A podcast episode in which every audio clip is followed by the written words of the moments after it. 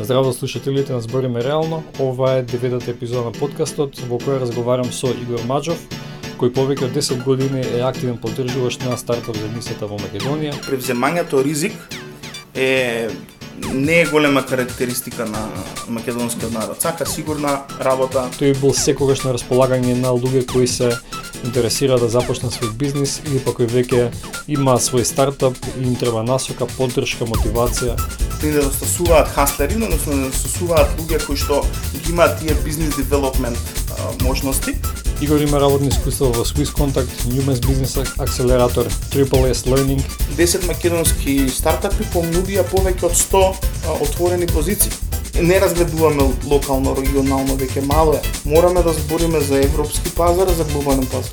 Ве поканувам да ја преслушате епизода број 9 на Збориме реално подкаст.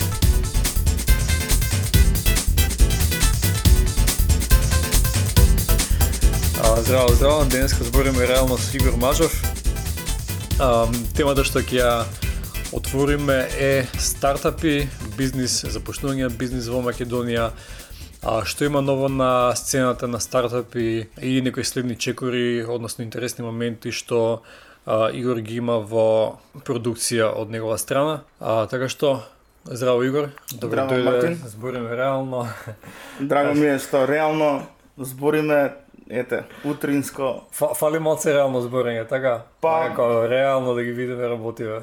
Па не само што, што фали реално некако ако се тргнеме од тоа што Америка е напумпана, приказна, mm -hmm. ние сме па премногу искрени, да. ама е убаво да бидеме искрени за да ги кажеме работите како треба. Да, мислиш на пумпана во смисол на да има се премногу хајби за многу работи и кога ќе дојде моментот има моментум и све е побрзо да. и све е појако во тој смисол го се, мислиш Се е појако, еве сега сме а, Бак стана шампиони, ага. гледам NBA, голем фан и Антете Кумбо целата приказна како он стигнал сам се тоа, значи се филува се сторителингот е е дел од американскиот mm -hmm. американскиот сон кој што па ние не, не ни е својствено за нас и ние не знаеме така да прикажеме. Мислиш, мислиш дека тоа е недостаток?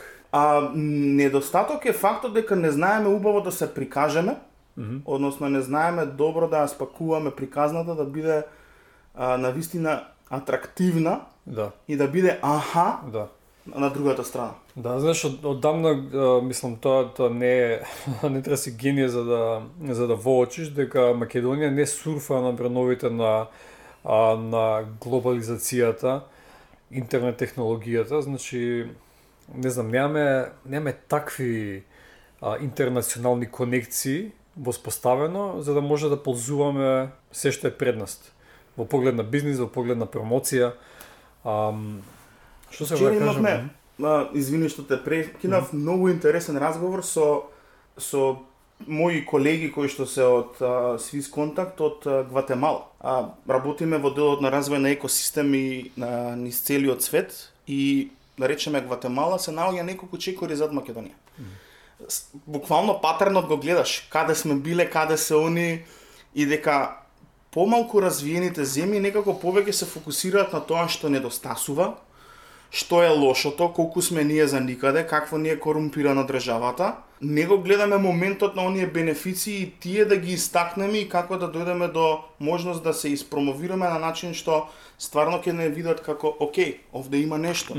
Има позитивни приказни. Има, а да кажам, а, тие се примери кои што вреди да се да се живее, да се работи и кои што инспирираат за нови генерации на предприемачи Да, да, да. А, конкретно нај а, најскорашен пример за за како не го зграбчивме моментот за да се создаде моментум за некои работи е Европското првенство, што помина. Македонија се квалификуваше, окей, не дека немаше, не дека немаше некој хајп, ама, ама пак мислам дека не беше доволно искористено. А, требаше тука да има не знам, као репортажи, требаше да има а, репортажи за, и за домашната публика и за интернационалната публика. Знаеш, да се, да се покажат лицата на Македонија, да се покажат, не знам, фудбалерите, а мене многу ме интересира, да речеме, или Фелмас. не знам, веројатно повеќето луѓе слушнале дека а, неговото семејство има сладкара, ама, ама не, ама треба да се види тоа, треба буба да се направи, знаеш, такви моменти. Имаше луѓе се истакнуваа знамиња, ама ама немаше една таква атмосфера што ќе те понесе, ќе ќе почувствуваш дека Македонија игра на европско првенство. Истото се случи да скокнам само исто да се случи и кога Вардар се квалификуваше во во Лига Европа. Имаше само еден автобус целиот брендиран со Вардар и тоа беше тоа. Знаеш, кога не се осетив јас дека Скопје е фудбалски град во тој период, а беше феноменално, мислам, мислам помислила Вардар е во Лига на Европа, рамо до рамо со, може би не по квалитет, ама во истата а, конкуренција на преварување. Во, во делот, ајде само да референца за тоа што се случи со Европското, не сум голем фудбалски фан, но јас барем како не фудбалски фан осетив голем а, национален ај понос, односно mm -hmm. како се гордост, гордост да. која што на некој начин недостасуваше во тој момент. Да, тоа го имаш. Но тоа можам не доволно, се согласувам, не доволно беа искористени приказите кои што може да се најдат. За Елмас прочитав во некој си извадок од а, портал. Не беше тоа во на главните а, главните вестници или нешто да се прават репортажи. Да не беше види вака кој што реално размислува малце по-прогресивно во делот на на репортажи, немаше ни да дознаеме приказната на селекторот, Игор. Mm -hmm. Значи, такви таквов контент creation искрено а, нас не недостасува и еве причина што повеќе зошто ми е драго што имаме можност да дискутираме mm -hmm а, на овој подкаст затоа што сметам дека подкастот како медиум треба да се развива и да биде еден од од маркетинг миксот кој што ќе се користи за приказата да стигне до оние кои што сакаме да стигне. Да. Во случајот со а, со фудбалот е нели подигнување на гордоста, ама и а, потоа искористување на таа приказна за подобро позиционирање на Македонија, на македонски брендови, mm -hmm. на нашите херои кои што се, да. настапуваат таму, но ние сме свесни дека кога е нешто интересно, одма тука правиме голем хајп, ама кога ете не сме влегле во следна фаза, ги забораваме работите уште после два дена. Да, да. Па да, мислам дека и природно. Мислам дека и Италија се више не се чувствуваат како мислам дека го, го нема а, ја нема истата возбуда спасно тоа. Така шампиони се и тоа е тоа заврши таа приказна, значи нови предизвици не знам како како да да преминеме сега од од а, промоција, брендинг, сурфање на брендовите на глобализацијата во стартапи затоа што ти се занимаваш со тоа. А, може да им, да им спомнеш на а, слушателите што точно а, правиш и што е стартап Македонија. Така. Значи, ајде да кажам дека во делот на предприемништво стартап повеќе од веќе 13-14 години а, правевме една ретроспектива околу сето она што се случувало, затоа што Старта Македонија сега во, во август ќе прави 5 години од постојање. А, всушност станува збор за организација која што а, ја создадовме индивидуалци, значи многу членови дел од заедницата, за која зборуваме заедницата, тоа се многу различни профили на луѓе, кои што во тој момент сакаат да креираат подобра клима за креирање на стартап компании и развој на, на истите. А, немаше немаше никаква подршка во тој момент, малку беа партнерите, односно организациите кои што даваа сервиси и сакавме да бидеме некој вид на мегафон и од друга страна истврзнат киво кој што ќе ги спои сите активности. Така да Старта Македонија е токму тоа, сврзнат од киво, организација која што во изминативе 5 години работи со стартапи, работи со партнерски организации, го поврзува локалниот екосистем со, со другите екосистеми од регионот. А, доста голем фокус ставаме на, а, на data-driven approach, затоа што сметаме дека ако немаш доволно податоци со кои што ќе можеш нешто да ги заклучиш и од таму да црпеш каде ќе се движиш, другото е се со прст на каде дува ветерот.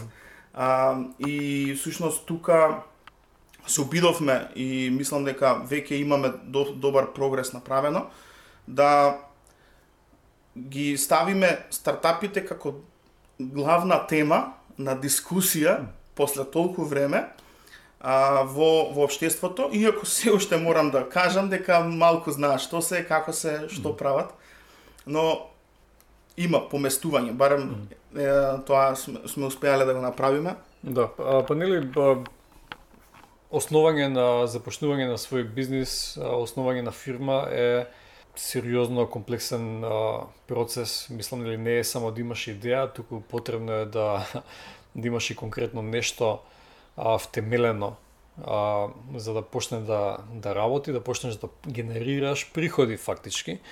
И а, не знам од каде, мислам дека за Америка се однесе овој податок, а, кој или беше процент, дали 90% од ново а, основаните компании не успева да да да издржат после две години постоење или после една година. Не знам, ама, ама заклучокот е дека дека не е едноставно, дека дека е еден процес на брутална селекција каде што или ќе почнеш да генерираш приход или нема да постоиш како компанија. Како се се одигрува ова во Македонија? Колку од компаниите успеваат да а, да се зацврснат? А баш поради тоа што интересен интересно во Македонија е превземањето ризик не е голема карактеристика на македонскиот народ. Сака сигурна работа, а, работите да бидат сигурни, инвести... инвестициите да бидат сигурни и од... затоа што сме поминале многу несигурни а, периоди низ, низ времето и така не оформиле како како култура. А, од тука и превземањето ризи да се основа компанија најчесто го прават луѓето кои што или од необходност, значи да заработат пари за да преживеат, не можат да се вклучат во пазарот на трудот, па влегуваат во креирање бизнис или согледуваат можност која што ако не ја зграбат они, не, ќе, ќе ја зграби некој друг. Тоа збориме кај малите и средните а, компании, кои што, нели, отварам продавничка затоа што услед, во овие 200 метри околу мене нема продавничка, има одново отворени а, згради, mm -hmm. сега нели се гради во Скопје, а, и потребна е продавничка и сега отвара продавничката, заборава дека Кам Маркет веќе планирал некоја од зградите да отвори mm -hmm. а, бизнис и ќе ја затвори да. после да. некое време. Да.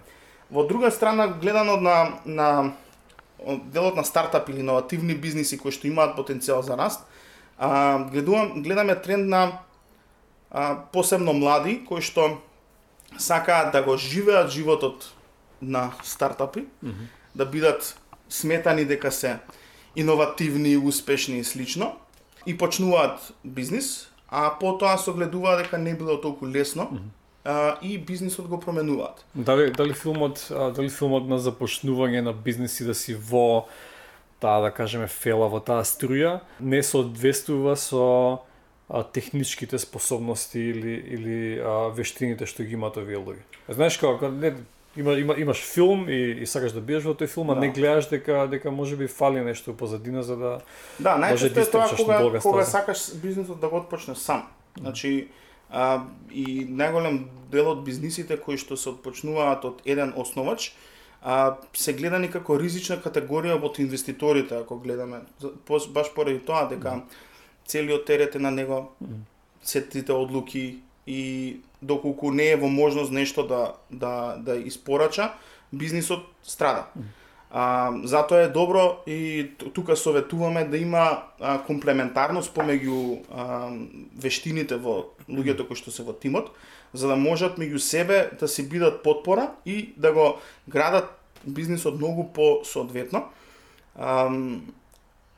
се, се смеевме на времето дека треба да има хипстер, хакер или и хаслер, значи некој кој што е повеќе во делот на креирање на техничко решение, некој кој што знае тоа да го спакува, да го издизајнира а, и да го направи интересно. И тука а, хаслерот кој што е личноста да да може да го продаде, односно може да пренесе приказната на начин на кој што некој ќе го погоди неговиот а, ќе ја погоди неговата потреба и ќе сака нештото да го купи.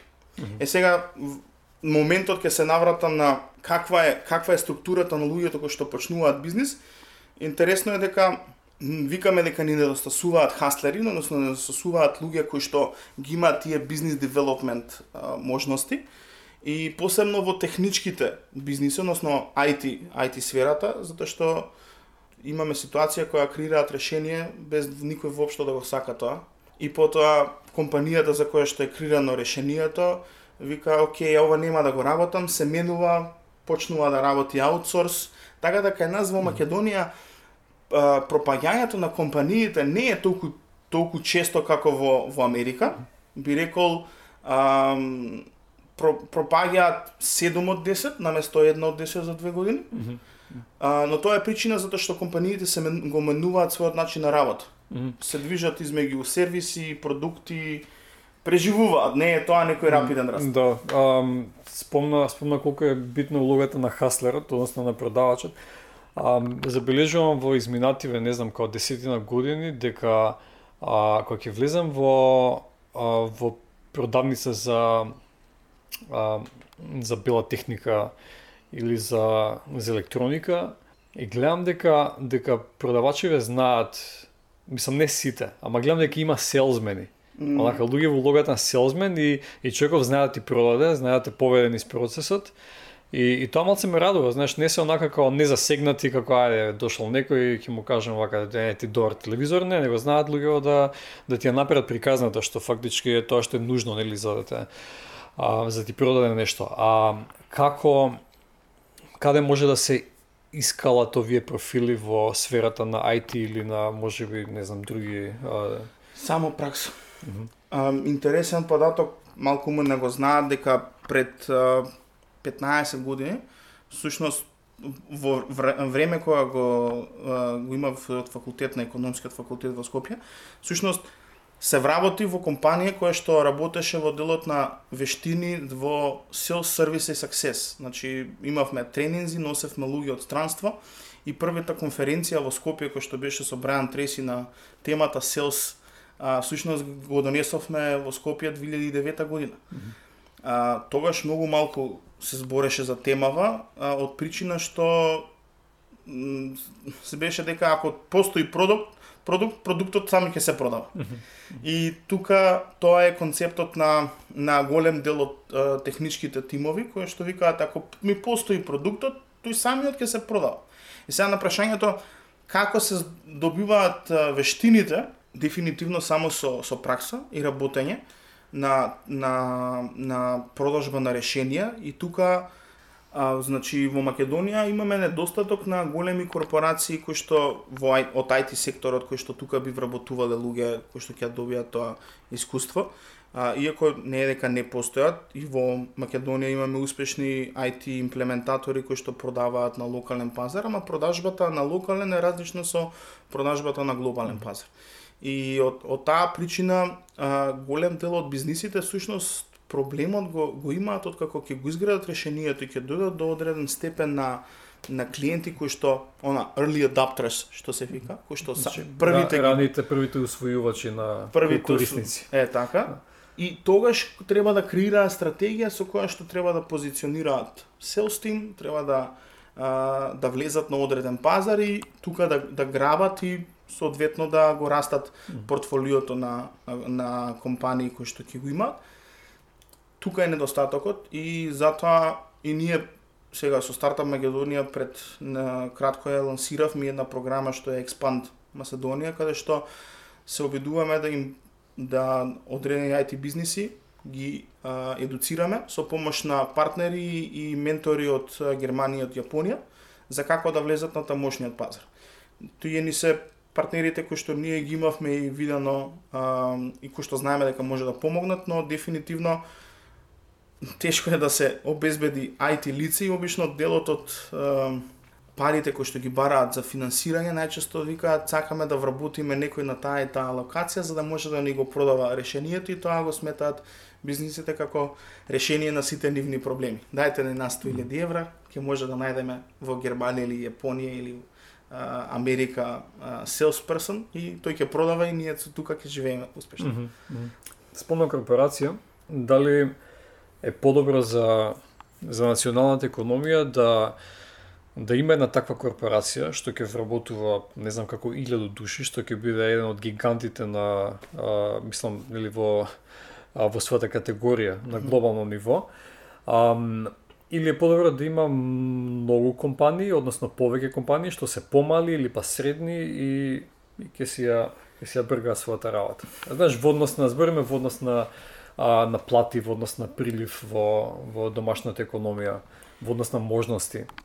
Значи, дефинитивно е убаво доколку може да имаме повеќе локални компании, повеќе стартапи, но од друга страна зборуваме за а, процедури и талент кој што треба да се креира за да може да биде во служба на компаниите која ќе дојдат до некое продукт маркет фит, односно ниво кој што нивниот продукт веќе се продава и треба да одат чекор погоре.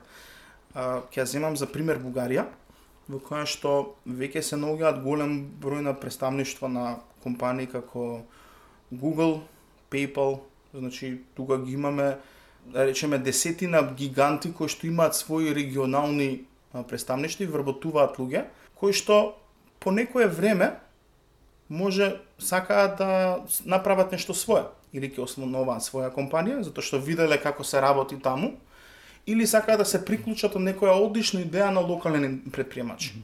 Така да талентот кој што се креира со постоењето на поголеми а, компании во земјава кои што се доста присутни на глобалниот пазар и тоа како позитивно влијае на локалната економија и на локалниот понуда на човечки ресурси. Ја тоа така така го гледам, а, затоа што е long game, не е 3-5 години, mm. туку е нешто што е за за 10 години приказно. А нема нема тоа да а, да го разводни а, да разводни разновидноста на на тоа што може да прават домашните компании?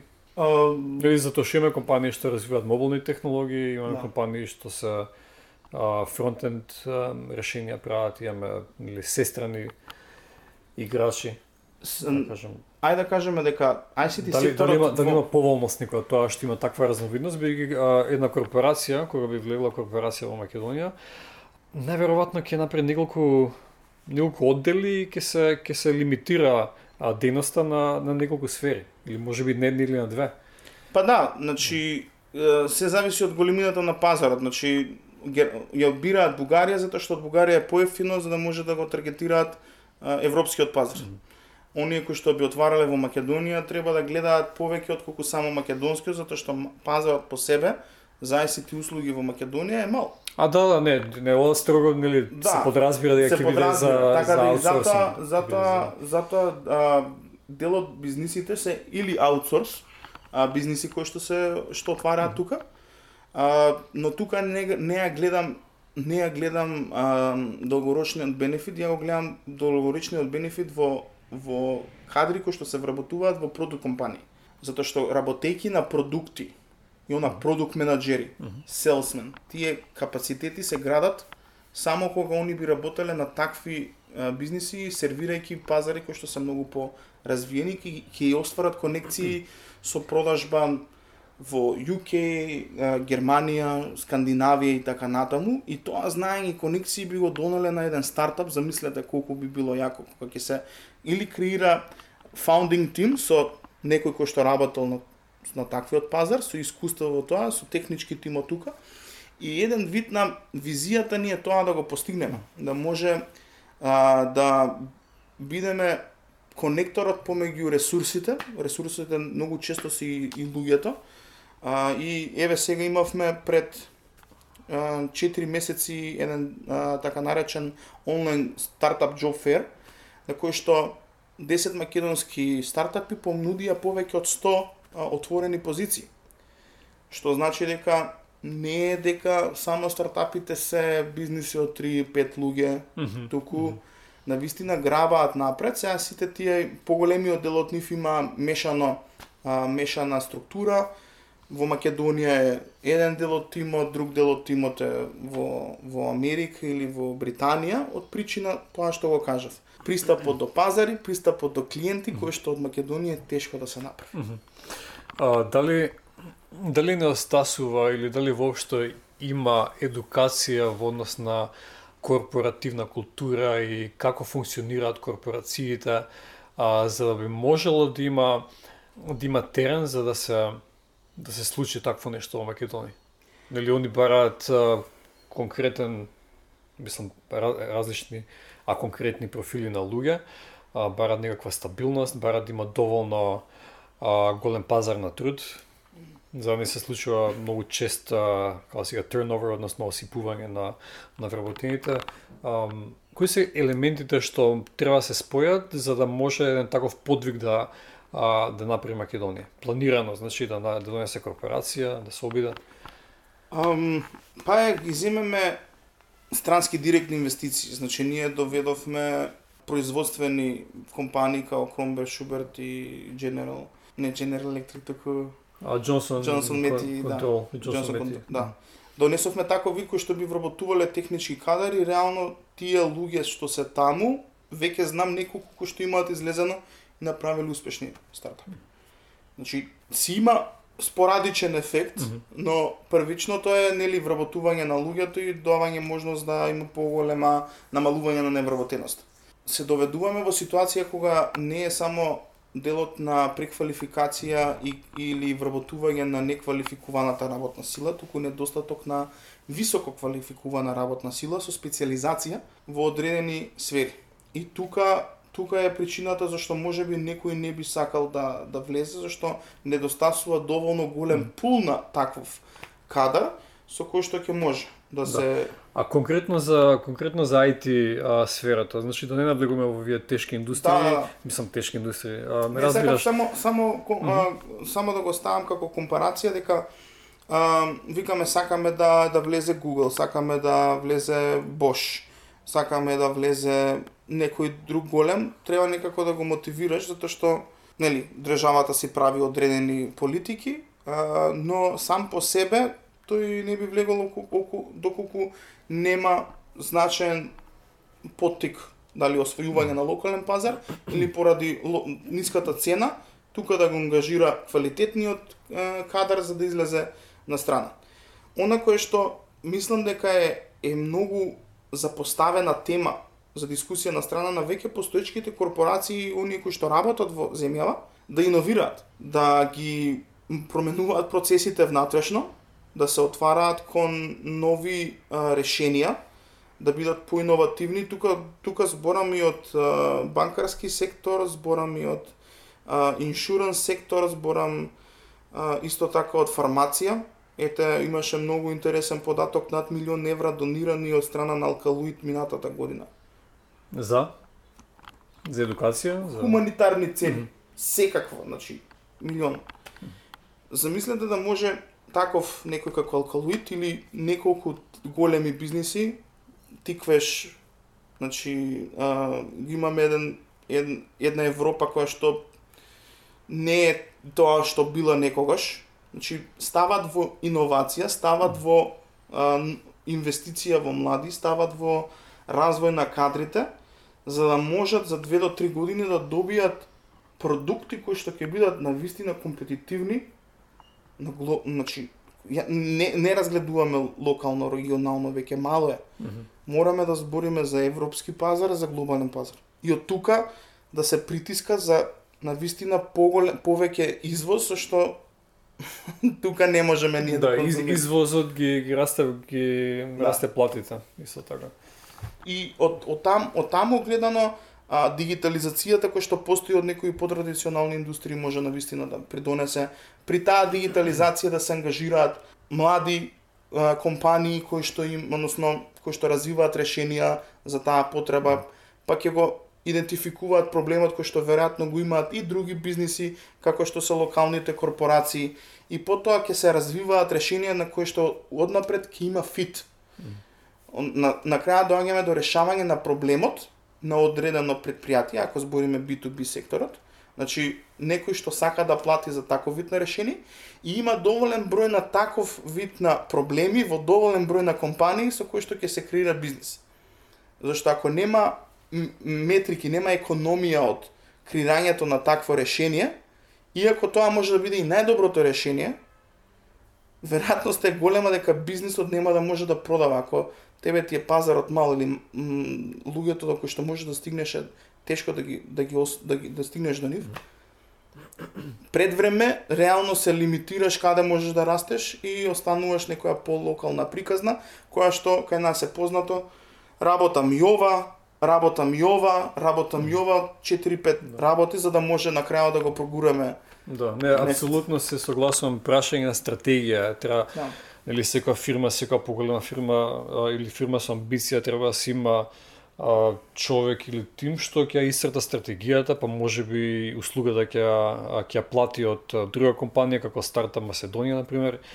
И и или мислам тоа е ако ако ако допред не знам со крајот на Втора светска војна а, нациите земјите војувале со воена сила, сега на еден начин војуваат со, со бизнис. Мислам, новите војници се луѓето во костуми или не мора да значи костуми, така, и вратоврски, ама Ама разбира што сакам да кажам, дека дека постои една а, постои конкуренција со постои конкуренција со а, во во сферата на бизнисот, на производството, на а, општо на економијата.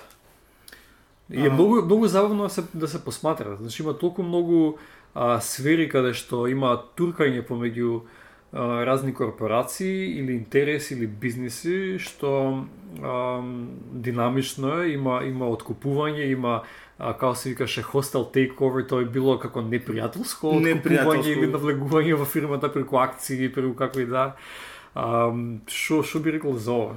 Да, Пази, mm -hmm. светска економија, глобалниот пазар си налага си налога но, други правила на кои што ние не сме баш запознаени, не сме навикнати.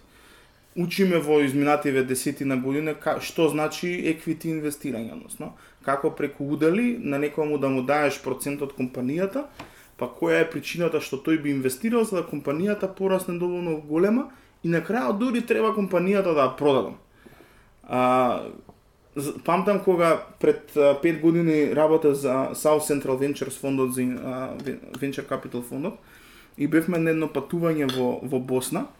А, и од таму со со таа група на предприемачи кои што мислеа дека сме донаторски проект, значи не ни прочитале на страницата за што станува збор. Им кажавме како функционира и дека се очекува дека бизнисот од како е инвестиран за некои а, 7 до 10 години ќе се очекува да да се излезе, да се продаде уделот, беа фрапирани. Што вие сакате да ми го земете бизнисот? Сакате да прода, да го продадам тоа моето да ме чедо. Да, моето чедо, ја што сум го избрал. Ја што сум, го избрал, сум го создал. Културата на креирање на бизнис е сосема различно. Тука е легаси бизнис отварам компанија и се надевам дека ќе успее и моите деца да ја наследат така натаму. А, тука е поинаков пристапот посебно кај кај стартапите би рекол каде што се очекува од нив дека а, секоја бизнис идеја а, си има почеток, си има раст и на крајот а, треба завршува или со креирање на стабилна структура корпорација или аквизиција од некоја корпорација која што ја согледува успешноста на тој бизнис и сака да, да, го, да го абсорбира во својата структура. Значи, тие се двете, а, значи, стартапот не може секојаш да остане стартап. Моментално, иако стартап го сметаме Facebook, Facebook моментално е корпорација која што е аждер, која што, што абсорбира, која што е многу тежок играч, да, да. значи агресивен, агресивен, играч, да. тежок, сака Вака да friendly се, да. we connect people. Mm -hmm. Ама privacy, ама advertising, ама инвестирање да. в virtual reality. Да, не, нема нема дилеми дека дека што една компанија достигне одредено ниво, а, за да обстане мора да да абсорбира, да голта, да купува, да да да пробива. Апсолутно. И, инаку инаку Така, ризикот е дека ќе се појави нов Facebook и дека ќе му го земе приматот, ќе му го предизвика приматот. Па, значи... Па, тоа е значи, доми, доминација на, на, на пазарот. Джеф Безос отида во, во Вселената да. пред некој ден. Да, не, не баш во Вселената, ама ја допре орбитата, Орбит... мислам, отиде да. некаде во орбитата. Отиде некаде, а сака ќе да каже, еве, Virgin го успеа тоа, mm отидоа, Елон Маск успеа, да И јас сум Да гледаш што можеме да направиме. Гледаш што можеме, со ресурсите можам да си да го да го направам тоа. И тука е тука е некој бетл на сосема друго ниво, малку избегавме од тоа што е реалноста на, на на стартапите, ама кога компанијата се развива, треба да да знае а, во кој а, во која лига игра mm -hmm. и а, значи терен односно во на, на кого му чепка во, во око. Mm -hmm. Од една страна конкурентите кои се, затоа што не постои компанија без конкурент во случајот ако ти креираш некое решение кое што го заменува Excelот, значи автоматизираш нешто, а до сега човекот го користел Excel, тебе конкурентот е Excel. Mm -hmm.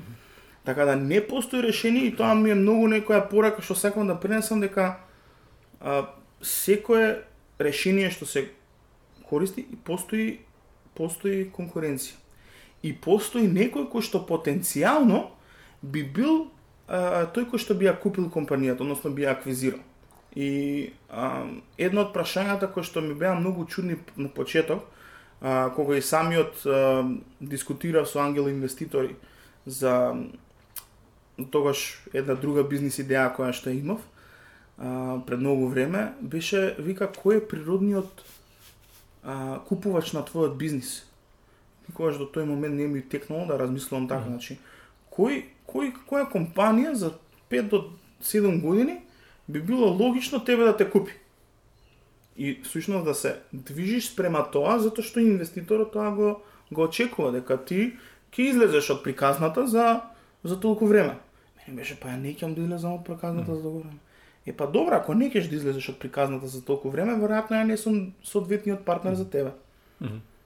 И а, тоа значи инвеститорот сака а, сака една успешна приказна, ама исто сака и таа приказна да еволуира од самата себе, па да се пренесе на некој друго лице, некој друг ентитет, а а ти или екипата како основачи, како двигатели на тоа, веќе да навлезат во нешто друго и да направат нов капитал. Мислам да генерираат. Па и нова идеја затоа што после некое време се се истрошуваш во што се се можеш да правиш во ова поле. Да, све си има една Знаеш, една испопуваш сите сите можни алтернативи, варијации во што можеш да влезеш, си направил неуспешен обид во едно, успешен во друг. Значи бизнисот станува веќе комплексен. И во некој момент сакаат да да излезат и мислам тоа беше и причина пример еве а, пред некој месец имавме најава за оние кои што играат игрици еве фудбал кажа, mm -hmm. Топ 11 а, играта која што е од Нордеус се продаде Нордеус иако сакаше да биде првиот юникорн кој што доаѓа од од Србија, mm -hmm. не прифати инвестиција за да стане нели милиарда плюс компанија, туку реши да се продаде и 370 плюс милиони сега во ќе додат на страната на содружниците, односно основачот, инвеститорите и така натаму. И тоа е идеалното сценарио кога го гледаш инвеститор. Дали било идеално сценарио за основачот? Повикам не е лошо сценарио. На неговиот конто му да, дошле... ама мислам, мислам дека повеќето повеќето основачи или повеќето иноватори кога ќе дојдат до тоа ниво и ќе ќе ќе продадат, значи односно во во наводници ќе се продадат и ќе му легне конто колку таму милиони, луѓето не се не се помируваат со тоа, не се задоволни, ај се кејам на плажа некаде и ќе се го живам живот, ќе се трошам парички, да, може би некој период. Ама нели те те влече а, играта, те влече играта кон кон повеќе и луѓето ќе се вратат со тие пари ќе направат нешто повеќе. Mm. Um, Нордиус беше, спомнека е српска компанија, ама, ама играла во Македонија се развиваше?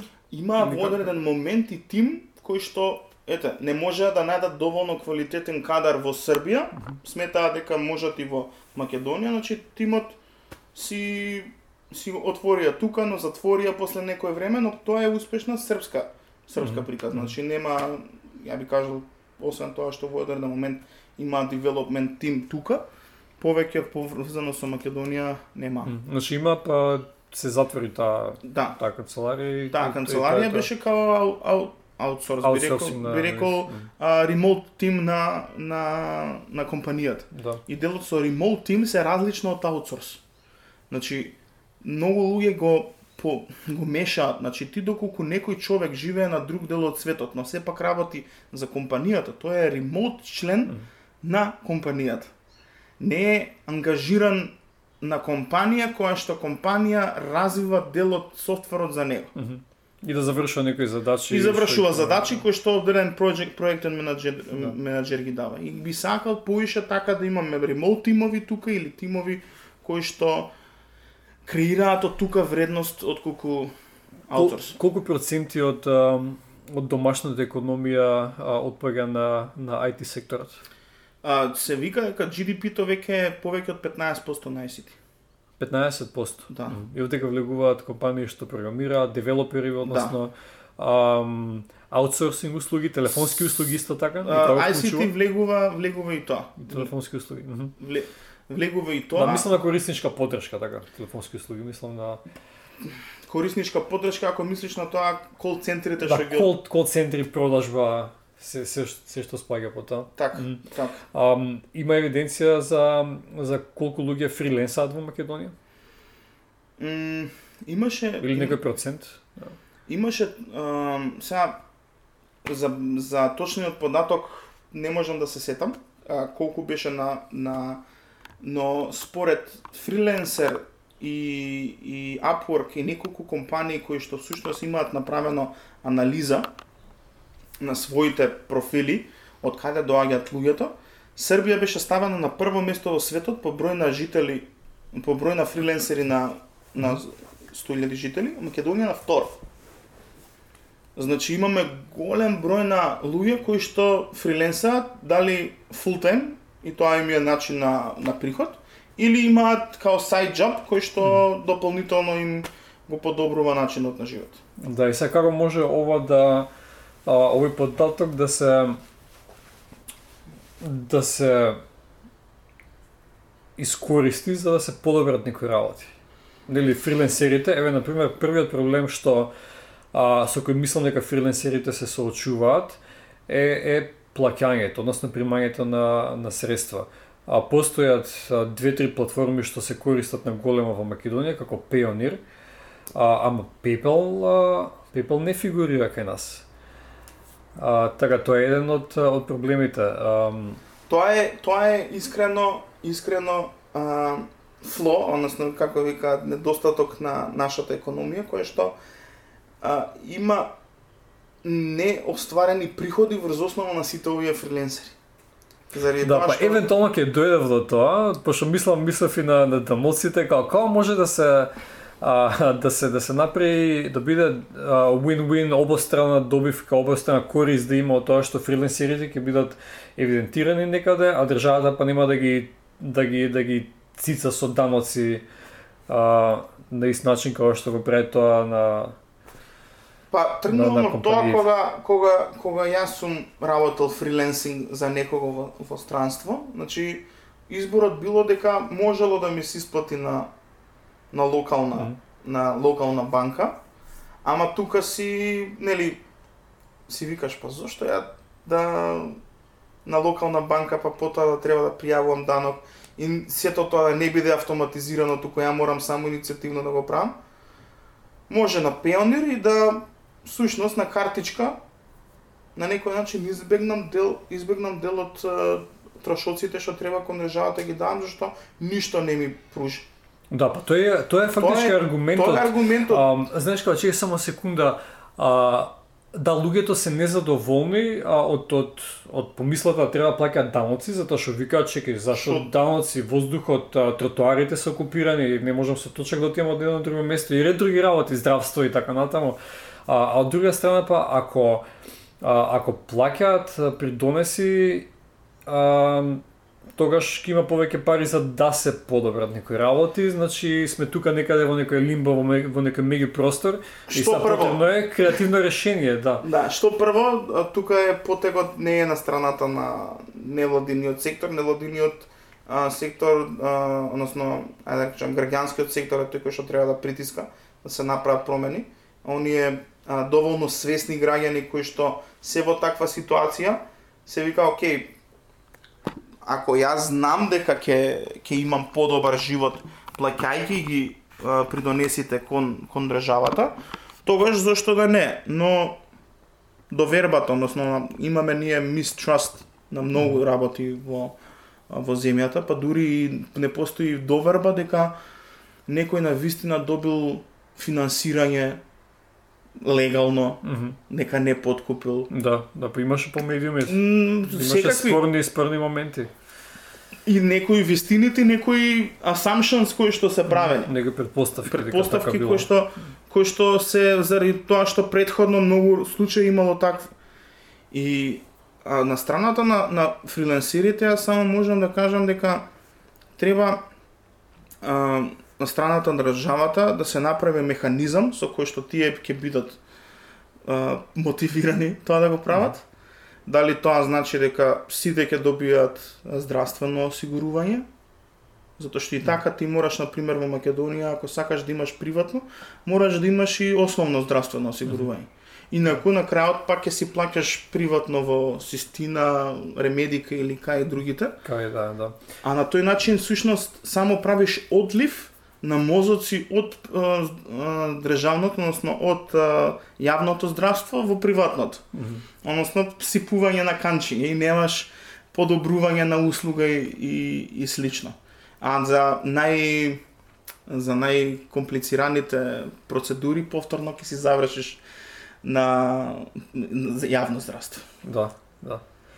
Um, ви, интересно е, Македонија е дефинитивно а, феномен во, а, во многу погледи и кога се работи за младите, што нашле начин како да заработуваат, а да не зависат од, а, од некоја си компанија дека што би ги пријавиле или не би ги пријавиле и така натаму, значи се снашле, тоа е многу позитивно.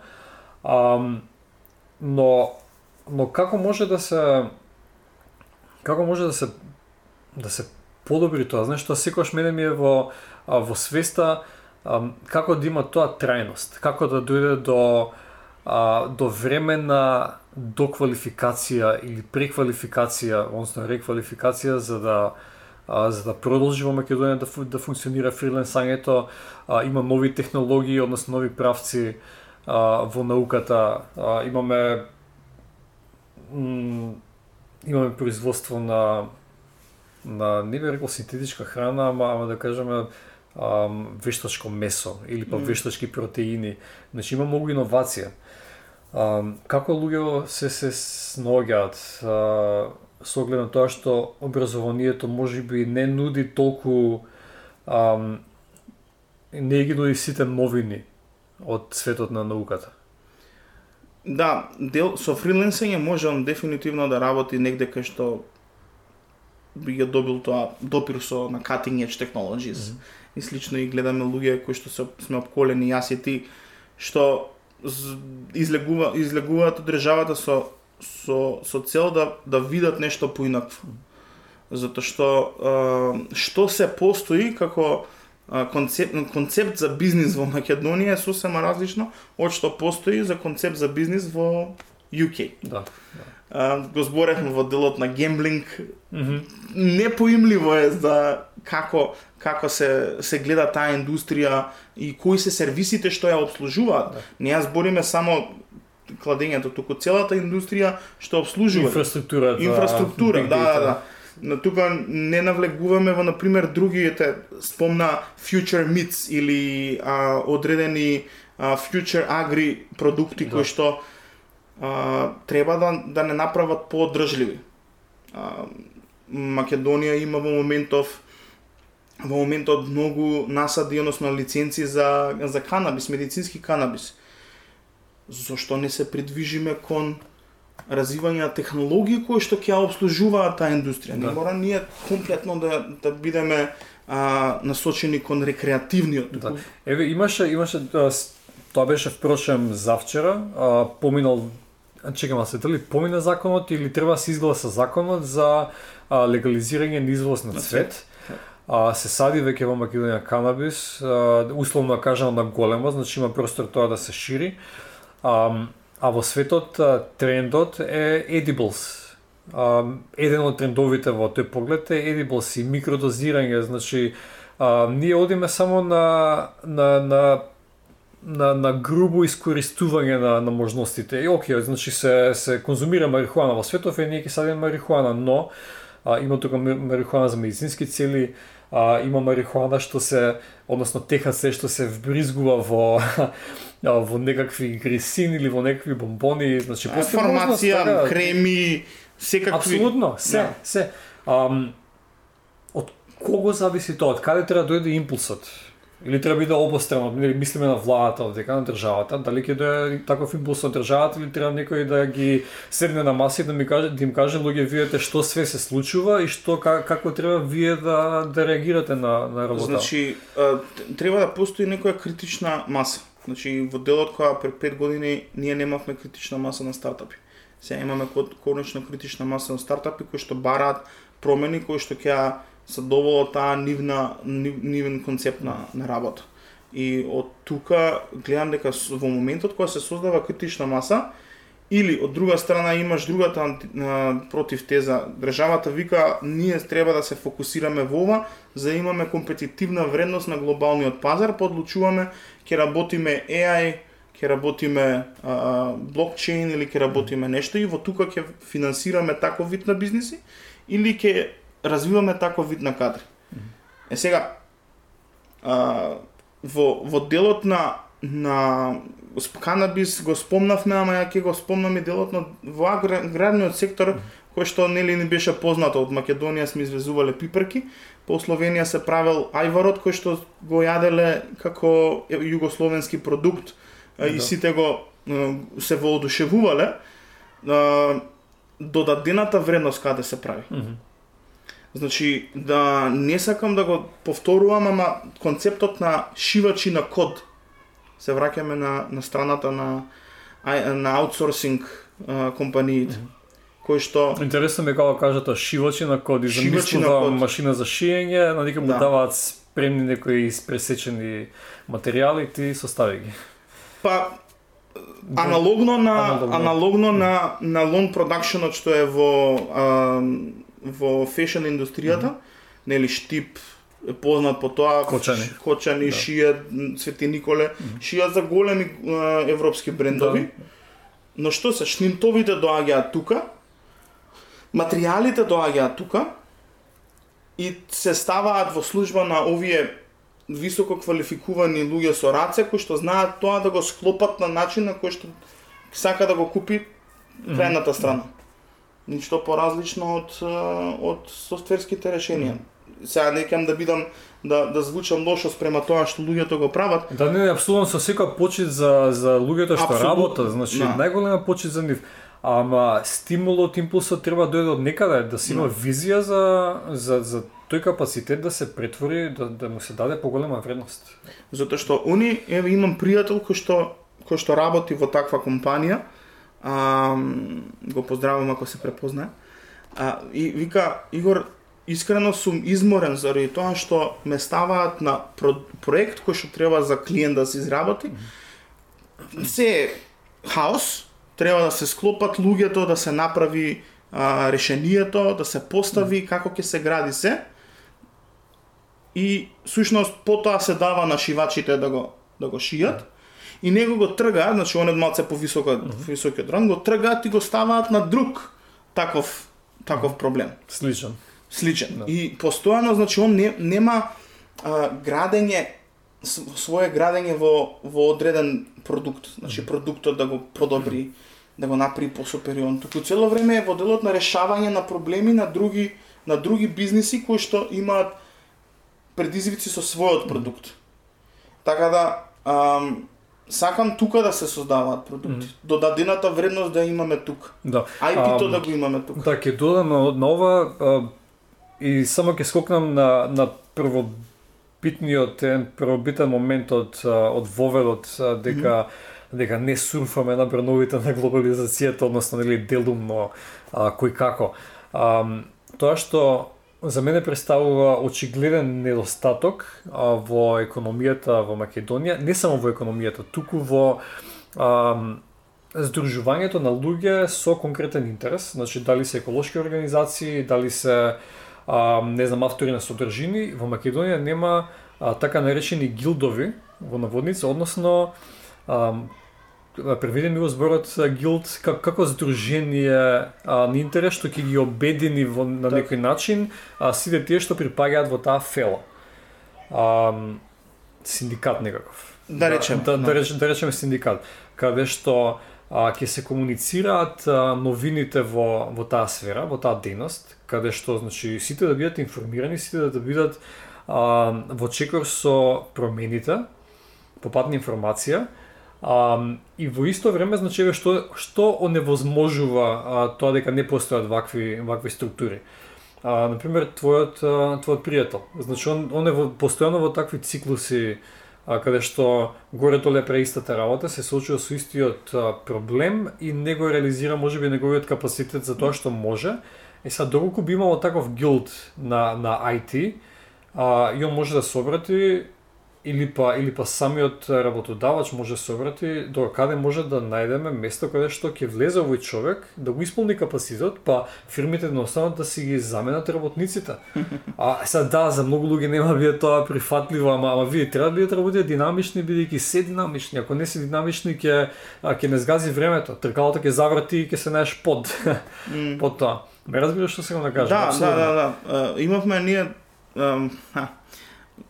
мала дигресија, значи го креиравме Founders клубот како како клуб кој што би требало во рамки на Стартап Македонија да им помогне на компании кои што се веќе малце понапред во процесот на развој на нивни решенија, да ги споделуваат своите предизвици и баш вакви а, специализирани знаења кои што ги имаат во различни сфери, еднаш месечно да може да комуницираат. И тоа беше на вистина доста позитивно, но првото нешто што го направивме е им кажавме, ве молиме со да дадете согласно дека нема да правите поучинг mm -hmm. на луѓето кои што се во да. Значи нема, нема да им ги преземате Нема да им ги преземате работниците, да. но ова што го кажа, имавме два случаи кога се согласија дека многу подобар фит е доколку одреден човек дојде кај нив и овој човек отиде кај. Mm -hmm. Значи тоа се случува, но си бара многу поголема отвореност на страна на основачите да комуницираат за предизвиците, да не бидат затворени. Да. да Треба да... се да се среќаваат на ниво на, на ниво на индустрија. Така да, да има игралиште да, едно некаде, така, некаде така. тие, да се тие запознаат, неформални, да... неформални средби дефинитивно дефинитивно формара, помагаат. Пандемијава не уби uh -huh. во тој поглед, значи ние имавме пред, предходно доста митапи што се прават, сега повторно се обедуваме, иако се уште не е на тоа ниво. Барбекю, нели се собираат, збораат на одредена тема, некоја некој е хост, некоја наметнува темата. Да, само, само да прашам, дали со вие, дали има некоја структура во а, за овие средби како агента, каде што ќе ќе покриме некои точки, ќе збориме за ова, за ова, за ова или е чисто спонтано дружење? Па се обидувавме малку да го да го фасилитираме процесот. Mm -hmm. Е тоа да. А, не е точки на дискусија, туку е тема на дискусија. А, што ќе бидат сегментите од дружењето или некој презентира нешто 10 минути, па некој поставува па сегмент за прашања, па потоа е јадењето или пиењето или што е да е другото. А, но се се прави фокус на интеракција, да може да е дали знаеш дека овој го има овој овој проблем, а, мислам дека и ти имаше решение, може ли да дискутирате? Малку некој вид на пуш. Да, да тоа пуш да се направи и затоа колку и да улогата на на Старта Македонија и слични организации може да биде видена како окей, што правите, а, е мултипликатор на вредност. Да И така да што повеќе ги има такви такви средби случувања, толку повеќе ќе имаме успех, затоа што луѓето треба да учат од неуспесите. Од успесите се сплет на околности за тој и тој бизнис кој што како успел да ги Да, да еве еве не не сродна индустрија, не сродна област на на IT, на пример овоштарство или лозарство, година за година, значи во изминативе не знам колку три децени, луѓето се жалат на на низок откуп, мислам на на на ефтин откуп на производите, а, па го истураат грозието, истураат млеко и такви работи. Значи не се а, од, од истите проблеми не учат, некој ги манипулира, може би, тоа се едноставни луѓе, ги, да. ги, ги злоупотребува и злоупотребува нивната неинформираност. А, и таков гилд, таков еден синдикат на, на луѓе би ги а, би ја фасилитирал, би ја заврзал а, нивната конзистентност во а, во настапот. Mm. Да можат они да а, чисто е да го да го утврдам фактот дека се потребни, треба кој кој да слуша треба да да, да се да се тргне кон тоа да А, значи, постои сигурно асоциација на млекари или овоштари или слично, но во, во тие а, сфери Да, ма кој ја води? Не, а, ко, кој, кој ја води? Така, значи дај се не, плати, само плати која- некој дете од од факултет, нека почне да развива нешто, нека преведува текстови со Google Translate макар нека ги преведува, ама нека ве држи во некаков тек да да знаете што се случува во Чиле со а, со лозови насади, така, кои бубашки јадат, како се справуваат со тие работи. Значи за секоја индустрија го мислам ово. Можеме само да бенефитираме Супер идеја и ова е до ете ќе го препратиме до сите оние кои што работат различни проекти во делот на а, земјоделие, туризам и така натаму. То а, не можеш да го контролираш, а тука кај кај убаво рече тоа се едноставни луѓе кои што со гледале можност на дел од својата земја да насадат нешто, дури него ни него ни прашуваат тој таму во некоја организација дали ја да насадам, дали има доволно што насадаме, туку е тоа реактивно. Реактивно да, импулсивно. Импулсивно. Сади може би ке И мислам се надевам. следната година најверојатно нема да го има тој Да. ефект како што бил предходната, кога ни ја донел одлуката. Ама ете во делот на а, лешниците Мгм. имаме здружение кое што знам дека Тоа е добро. одлично функционираат, кои што имаат пласмани повеќе од што можат да произведат и луѓето кои што работат на тоа мало се се по информирани, значи повеќе се трудат да комуницираат со странство, со тие откупни пунктови што се и слично. Така да ам, тоа е во делот на повторно збориме за репроматеријал. Мгм. Така делот кога доаѓаме да прави крем од од лешници. Да, да, доаѓаме на тој момент. То- то- Доаѓаме до то- крем од лешници, кој што е со вкус на лаванда плюс дополнително, е рецептура која што е нешто но, уникатно. Да. Е таа рецептура уникатна на лавандата и со со лешник, која ќе треба да дојде на германски пазар, е сега од Да, Македонија. По, посигурно е да продадеш на Нутела или на кој да откупува, да. отколку да измислуваш нешто ново, ама сепак може би дел од некој, може да има некој фонд за иновација во самиот а, а, тој сектор на производство на лешници. Така, еве мислам чисто вака махинираме сега. А, секој да двои по нешто, нешто за да може да платиш некој а, технолог да развие продукт, да си игра со вкусови, Па, да направи некој тоа ние- уникатен вкус, така, да се случи нешто, да се случи продукт, што ќе може да се турка понатаму. Ако е Секогаш на почетокот е која е многу ризично е многу тешко.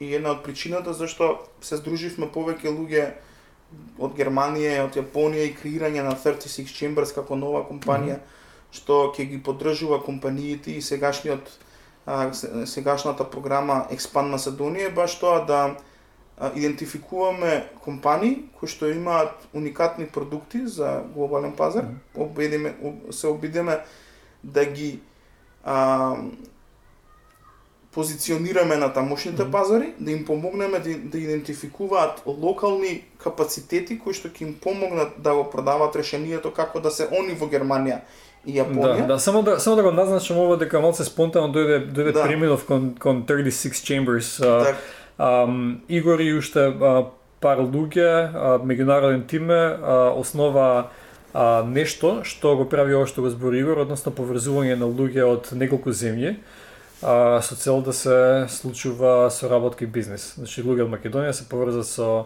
односно компании од Македонија или па од, од меѓународно, така? Не Да. не, не само не се само Н- Значи, збориме за креирање на, на мрежа која што може да биде во служба, интернационална с- мрежа, на служба на компании кои што се ам, earth conscious, значи кои што има малце повеќе од колку само фокус на правење пари, многу е заштита на, на околината, креирање на подобра а, економија, тоа значи дека а, концептот нашиот paying forward, Мгм. модел со кој што а, почнуваме програма и работиме со тие компании, тие компании понатаму влегуваат на соодветните пазари.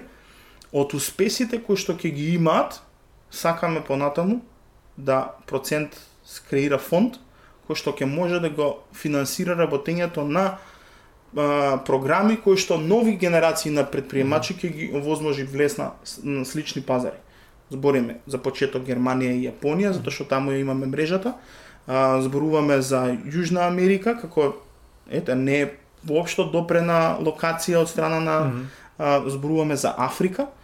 А, да, тоа се големи пазари. Мислам, на некои луѓе им звучи како Африка. Кош, како Африка, ама Африка е... Мислам, Африка е... Сериозна Африка. The New Gem. Дел, делови, градови, така. Да, Метро, the, метрополитенски the New Gem, са... стварно е The New Gem. Е, сега, предизвиците со сите овие фрагментирани економии е дека ти ако влезеш во Америка, одма успеваш и влегуваш на пазарот 230 милиони. Mm -hmm. Овдека има поголема бариера за влез културата е бариера за влез, јазикот е бариера за влез. Табиетите. Па начинот на водење бизнис и што може некој да го при, приеми како погрешно во, во како, како чекори, ќе спомнам пример, кај нас е тотално нормално да се касни 15 минути. Mm -hmm. Јапонија е е не, незамисливо ти да се појавиш 5 минути порано. Mm -hmm. А не де Боже да закаснеш. Значи ти треба да бидеш на време. Германија, германците знаеме сакаат да бидат прецизни на време. А во Африка саат време е доста прифатливо. Да. да касне некој. Е сега функционирање во таков таков свет е многу тешко и затоа зборуваме со локални партнери кои што ќе ги водат активностите. И понатаму се се надеваме дека ќе биде тоа еден вид на на ветер во грб на многу предприемачи. Mm а, кои што ќе инспирираат понатаму, затоа што на поинаков начин стигнале до успехот, отколку оние кои што сега ги гледаме ние како како репер. Дали веќе има компании од Македонија што а, го исполнуваат профилот и, и, и критериумите на на 36C? Да, значи и тоа како има што ја исполнуваат, прашање е капацитетот наш да може со сите да работиме mm. и затоа селективно викаме во рамки на период од 6 месеци тоа нема да бидат повеќе од 6 компании со кои што се работи, затоа што стварно е а, ист, а, потребно е да му се посвети време на, на развој на бизнисот.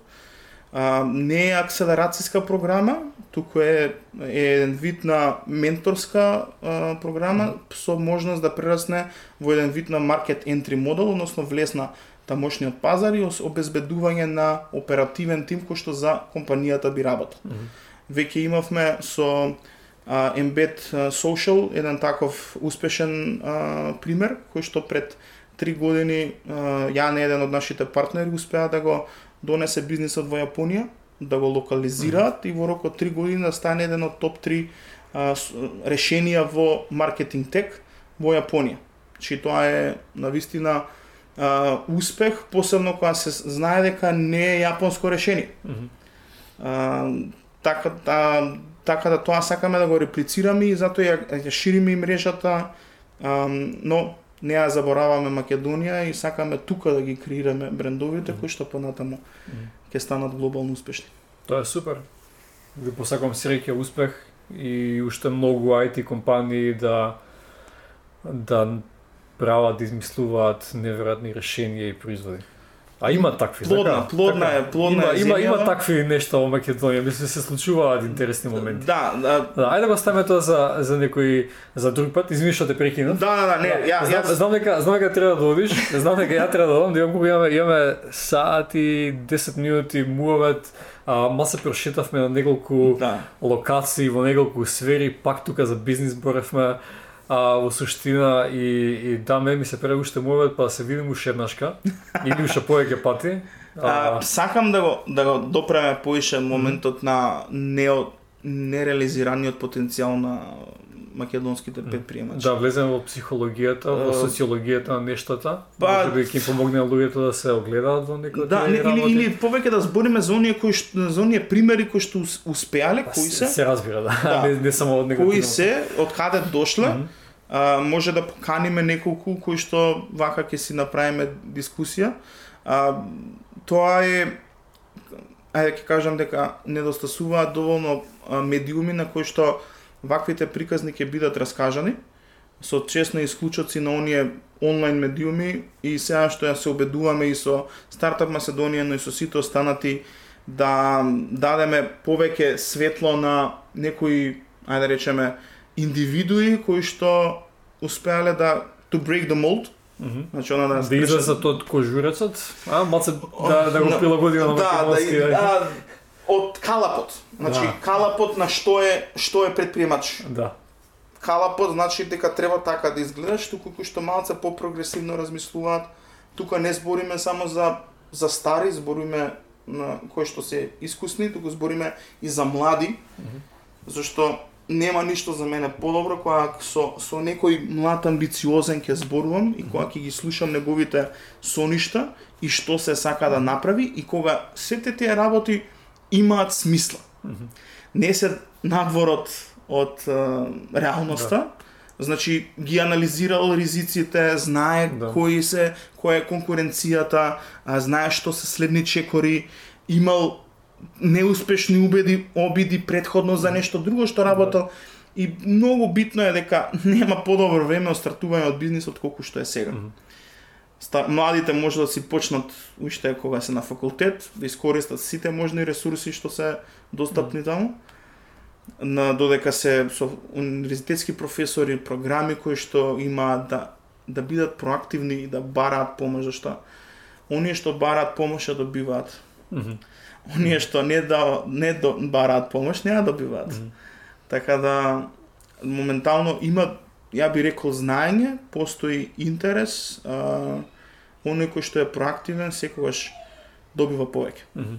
Како да го заклучиме моветов? Се нешто, гледаме... нешто за одјава. А, чекај, а во претходните а, емисии, односно подкасти, ги прашав со говорниција дали имаш некоја желба. Ево, моментов, што прво ти доаѓа а, во контекст на тоа што го зборуваме? А, знаеш како, го спомнав моментот на, на со, со Јужна Америка што имав повик пред некој ден.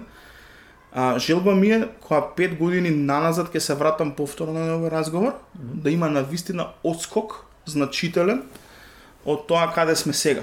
Желба ми е стварно да да приказните кои што секојдневно во медиумите ги слушаме да не бидат а, општо политички а, црни хроники и слично. И оние а, очи во очи со не знам од Сабајле емисии да бидат малце по поинакво значи да. општо подигнување на нивото на живот на на луѓето. Подигнување на а, на контекстот на на на темите тоа што го сите овие контексти што ги спомна се се депримирачки во, да, во нема да. рака. За збориме за криминал се тоа се удира на тој тен медиумски. Не знам некои луѓе ги возбудува можеби тоа. Мислам мислам им им им, им ги вклучува некој светло па, и, како ви кажам, и, од страна на медиум 10 пати повеќе ќе биде ќе биде споделена негативна приказна, mm -hmm. отколку што ќе биде си, си има, позитивна. Си има истражување, си има статистика да, Абсолютно. Да, да. Значи позитивната приказна, да некој за позитивната приказна каже браво, има помали шанси отколку за негативната приказна, што сакаме да.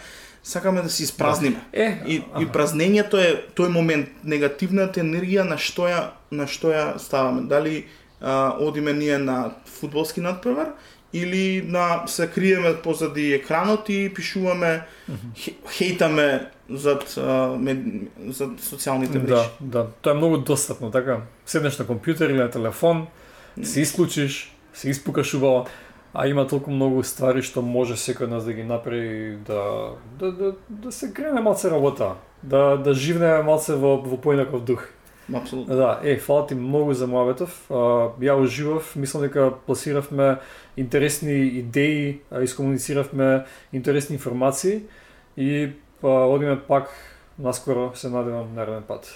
Се надевам нека не помине време за да може да има нешто да да одлегне, да, да одлегне, ова, да, да, да се вратиме, ама со задоволство ќе се ќе се видиме повторно и ќе отвориме некои други а, уште подлабоко да влеземе. Да, супер. Фала ти. Се гледаме. Поздрав. Чао, чао. Сите.